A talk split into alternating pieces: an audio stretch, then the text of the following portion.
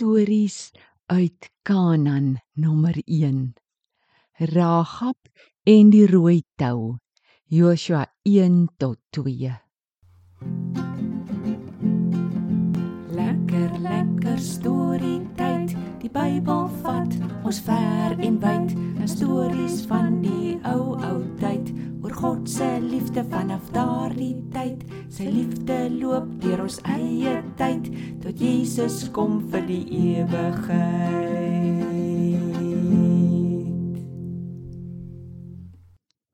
Hallo al julle mense. Hallo Tobias en Mats.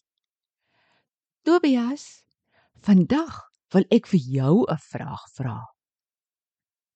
As jy iets vir iemand beloof het, doen jy dit dan? Ak de lode, ak de lode, ak de lode. Nee, Tannie. Ek wil graag. Maar soms vergeet ek. Ai. En dis sleg as iemand iets vergeet wat hulle vir jou beloof het, nê? Nee?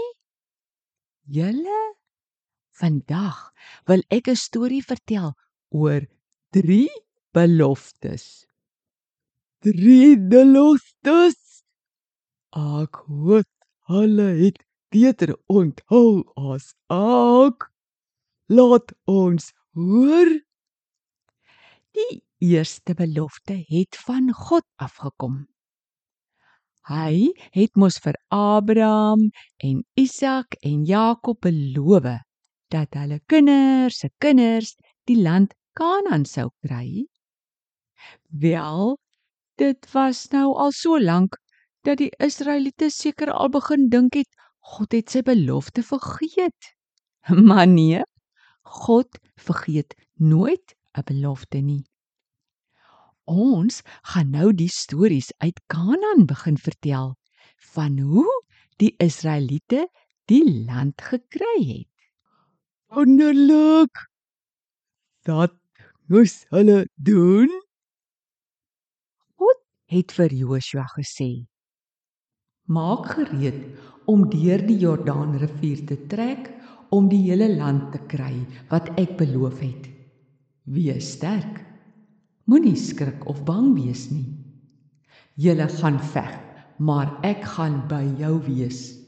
Joshua, niemand sal jou kan wen nie. Lees en lees my gebooie elke dag en doen net wat dit sê.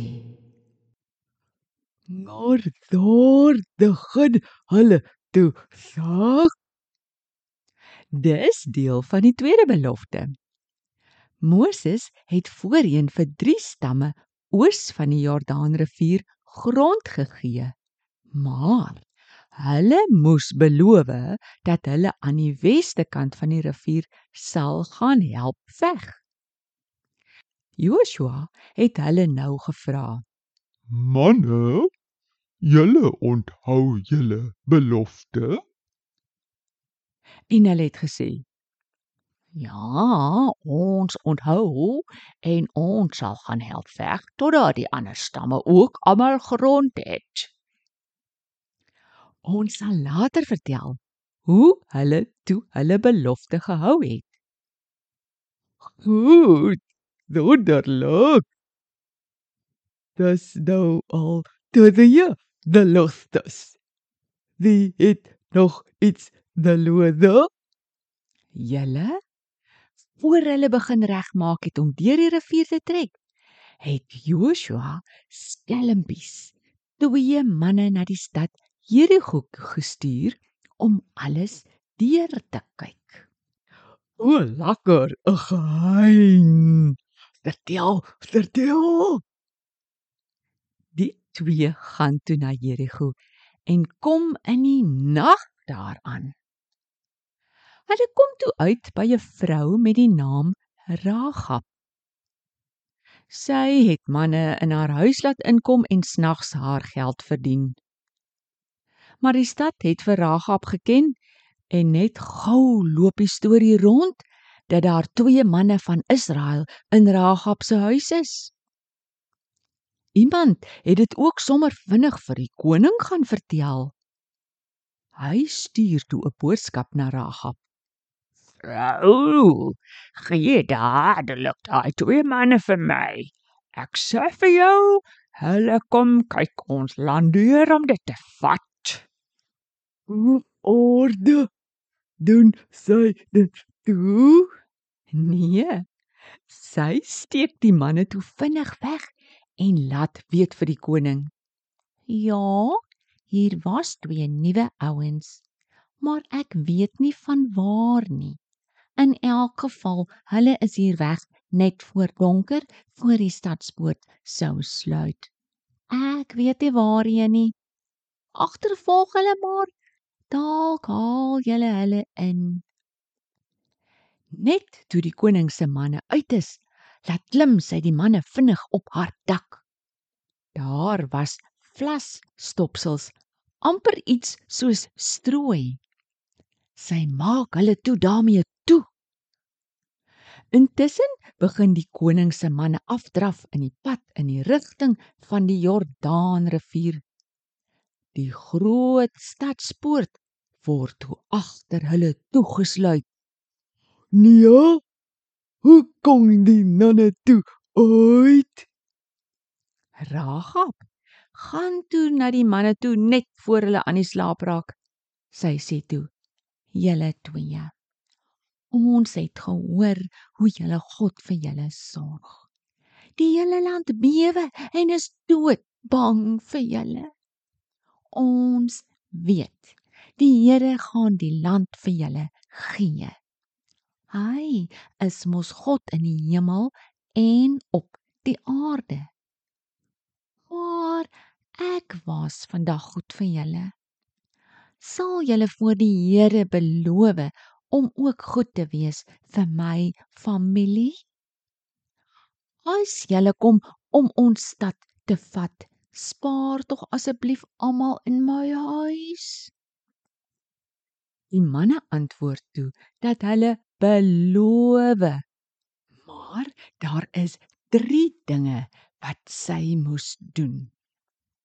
Sy moet sorg dat al haar mense binne in haar huis is om veilig te wees. Sy mag ook vir niemand van hulle vertel nie. En die derde ding? Kom ek vertel eers van Rahab se huis. Dit was binne in die stadsmuur ingebou. Sy het 'n baie hoë venster gehad wat na buite die stad gekyk het. Rahab kry toe 'n bloedrooi tou daar iewers in haar huis. Sy sê toe vir die manne om na die berge te vlug en vir 3 dae daar weg te kruip totdat die koning se manne opgehou het met soek. Toe laat sak sy hulle versigtig met die rooi tou af en af en af teen die muur tot onder. Maar voor hulle gaan vra hulle dat sy hierdie rooi tou aan haar venster moet vasbind. As die dag kom wat hulle vir Jerigo inval, sal hulle almal kan sien waar haar huis is. Niemand sal hulle dan seermaak nie. Die manne hardloop toe gou na die berge om weg te kruip. Na 3 dae het hulle teruggegaan na Joshua toe en hom alles vertel. Hulle het gesê: Al die mense daar is bang vir ons. Die Here gaan die land vir ons gee. Hm, Ag, sjoe. Ek is bly. Ek hoop hulle hou hulle belofte. Maar nou moet ons seker dagter in volgende storie vir ons dit kan hoor. Ja, Tobias. Ons moet nou maar eers groet. Maar daar is wonderlike Kanaan stories wat ons nog wil vertel. Kom luister gerus weer, maats. Lekker dink en gesels oor vandag se storie. Totsiens almal.